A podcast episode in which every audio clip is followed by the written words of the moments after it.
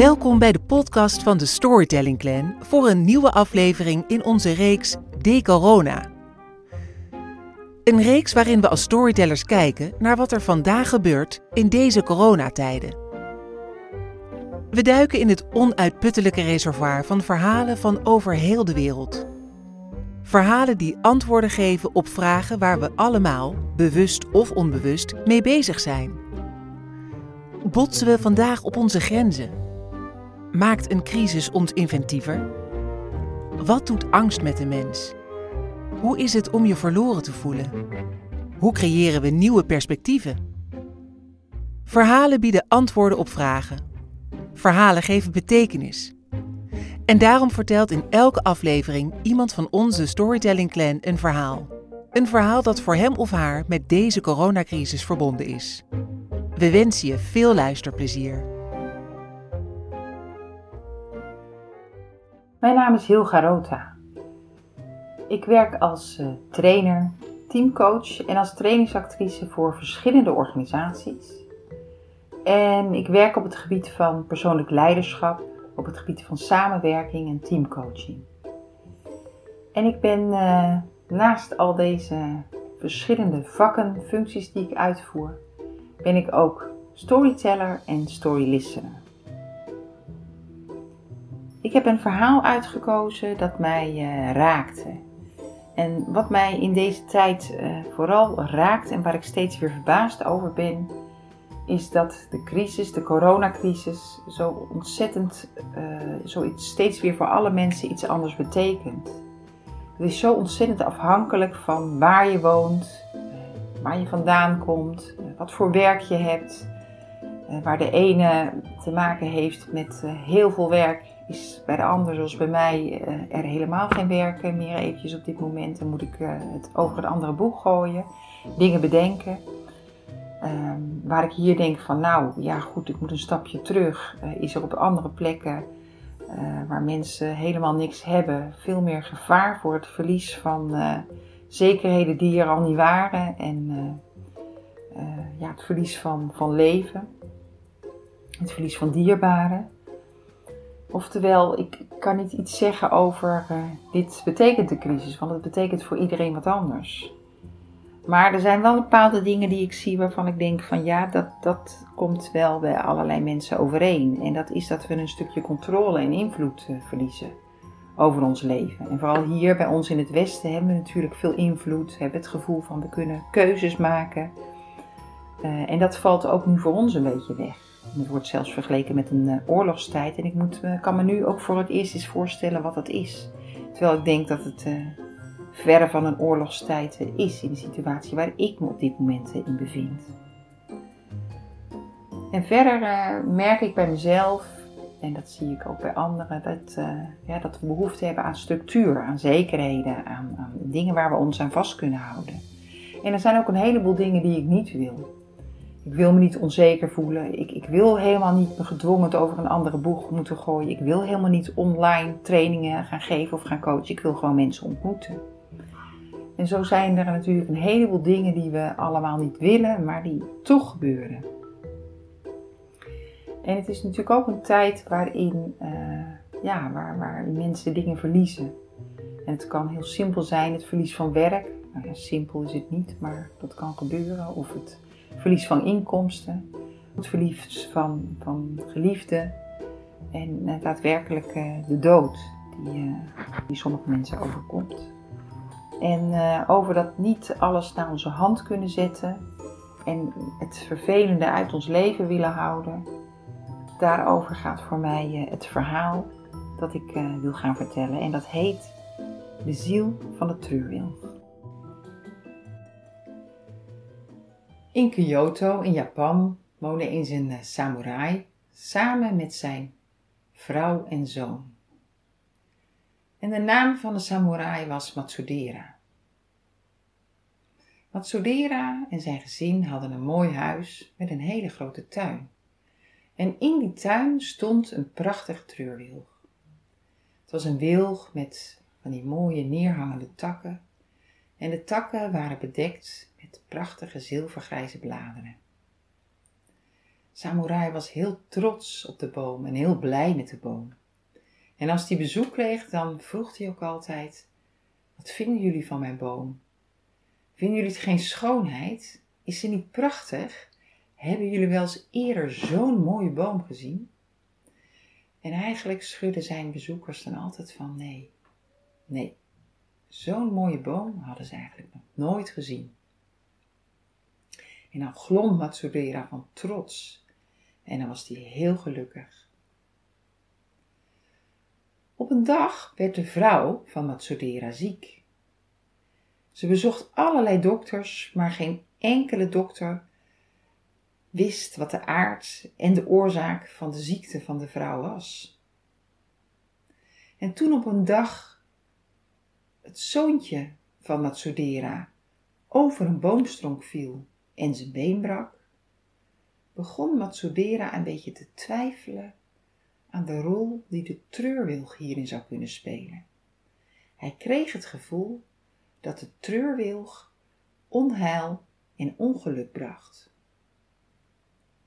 Hij wist het natuurlijk niet zeker, maar hij besloot wel de wilg te gaan kappen. En voor hij dat deed, besprak hij dat met zijn buurman Inabata. Want ook Inabata kon vanaf zijn tuin de prachtige boom zien en voordat hij de boom weg wilde halen, wilde hij dat toch even aan zijn buurman laten weten. Inabata schrok enorm en die zei: Nee, je gaat die prachtige boom toch niet weghalen? Ja, zei Matsodera, maar volgens mij brengt deze boom mij en mijn gezin heel veel ongeluk. Nou, zei Inabata, ik wil die boom wel eh, hebben. Ik wil hem wel van je overkopen. Nou, zei Matsudera, ik weet niet of ik dat zou doen. Maar na lang aandringen en een lang gesprek besloot Matsudera Inabata te helpen met de boom over te planten naar zijn tuin. Hij kreeg daar een mooie plek. Hij stond daar prachtig en hij groeide goed. Inabata was weduwnaar en had geen kinderen. En toen hij op een morgen door zijn tuin wandelde en naar zijn prachtige treurwilg keek, zag hij ineens onder de treurwilg een vrouw staan. Het was een hele mooie vrouw. Hij wist niet wat hij doen moest, maar hij dacht: ik zal haar maar groeten. Dus hij groette haar en ze groette terug. En daarop vroeg hij aan haar: Wil je misschien een kopje thee bij me komen drinken? En dat deed ze. En zo raakten ze aan de praat en ze dronken thee en nog een kopje thee. En na het zoveelste kopje thee vroeg de vrouw ineens aan hem: Inabata, zou jij met me willen trouwen? Inabata was helemaal verbaasd. Trouwen? Met deze prachtige mooie vrouw? Hij hoefde er eigenlijk niet lang over na te denken, dus hij zei ja. En zo trouwden ze, Inabata en de vrouw. Ze gaven een heel groot feest. En op dat feest waren een heleboel mensen aanwezig, waaronder de daimyo, de krijgsheer, de meester van de samurai en ook een heleboel priesters. En het was een prachtige dag en de mensen genoten van de schoonheid van de tuin en van de treurwilg.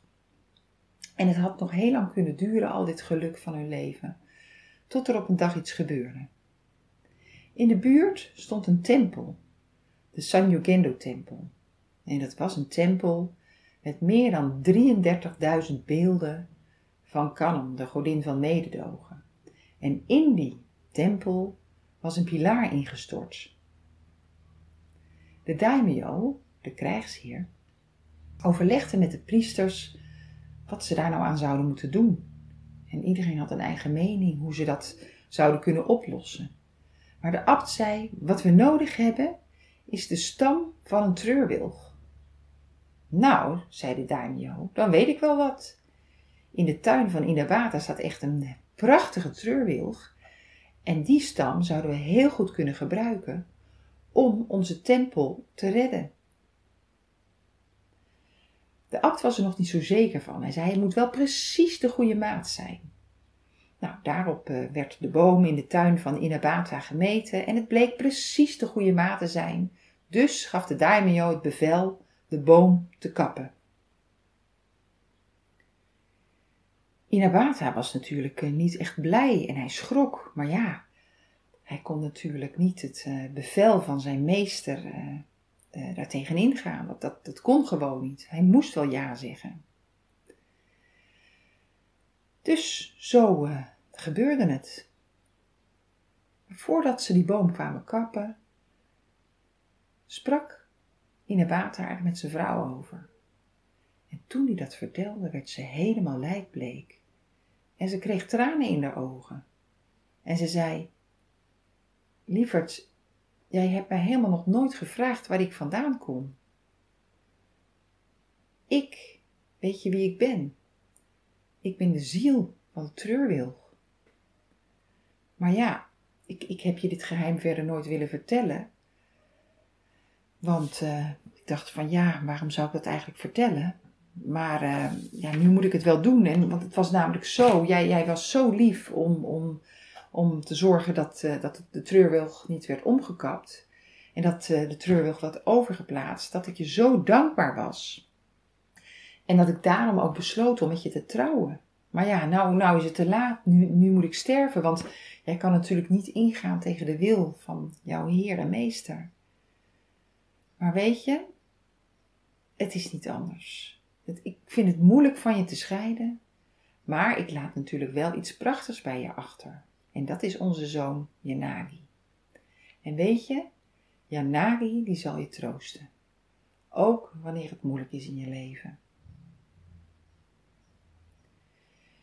Toen Inabata dit hoorde, spoedde hij zich nog naar de daimyo en hij probeerde hem te overtuigen dat de boom echt niet gekapt kon worden. Maar de daimyo was veel te bang om de abt in het harnas tegen hem te jagen. En uh, die zei van nee, ik blijf bij mijn besluit. Deze boom wordt gewoon gekapt. En zo verscheen er op een morgen een groep houthakkers bij de tuin van Inabata. En hij riep nog, nee, maar ik heb de keizer, ik heb de keizer gevraagd om, om, om, om deze, dit besluit, om daar, tegen, om daar iets aan te doen. Maar de houthakkers hadden er helemaal geen oren naar. En ze begonnen gewoon met, het, uh, met hun werk. Toen hoorde Inabata de eerste bijlslagen tegen de boom. En daarom spoedde hij zich naar zijn vrouw. En hij wilde haar omhelzen, maar voordat hij dat deed, verdween ze en zag hij dat zij naar de tuin vloog, zo naar de boom en in de boom verdween. En toen zag hij, boem, de boom omvallen. En daar lag de prachtige treurwilg met zijn mooie takken en bladeren op de grond.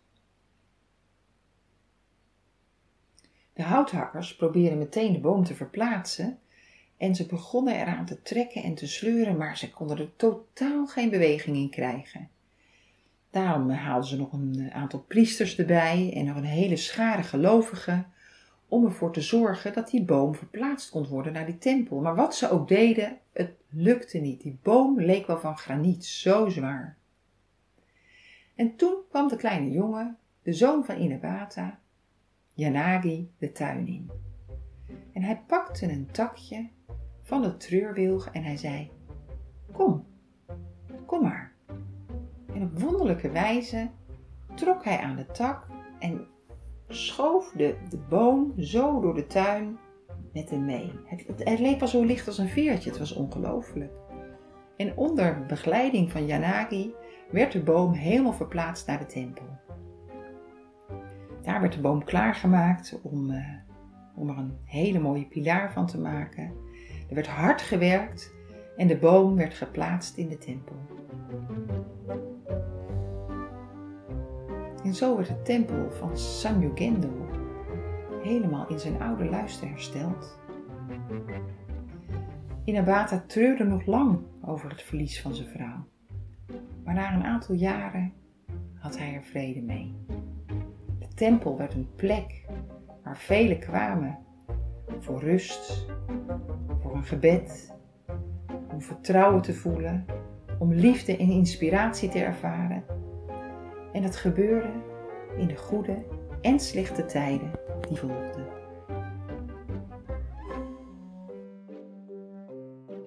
Tot zover deze aflevering van De Corona.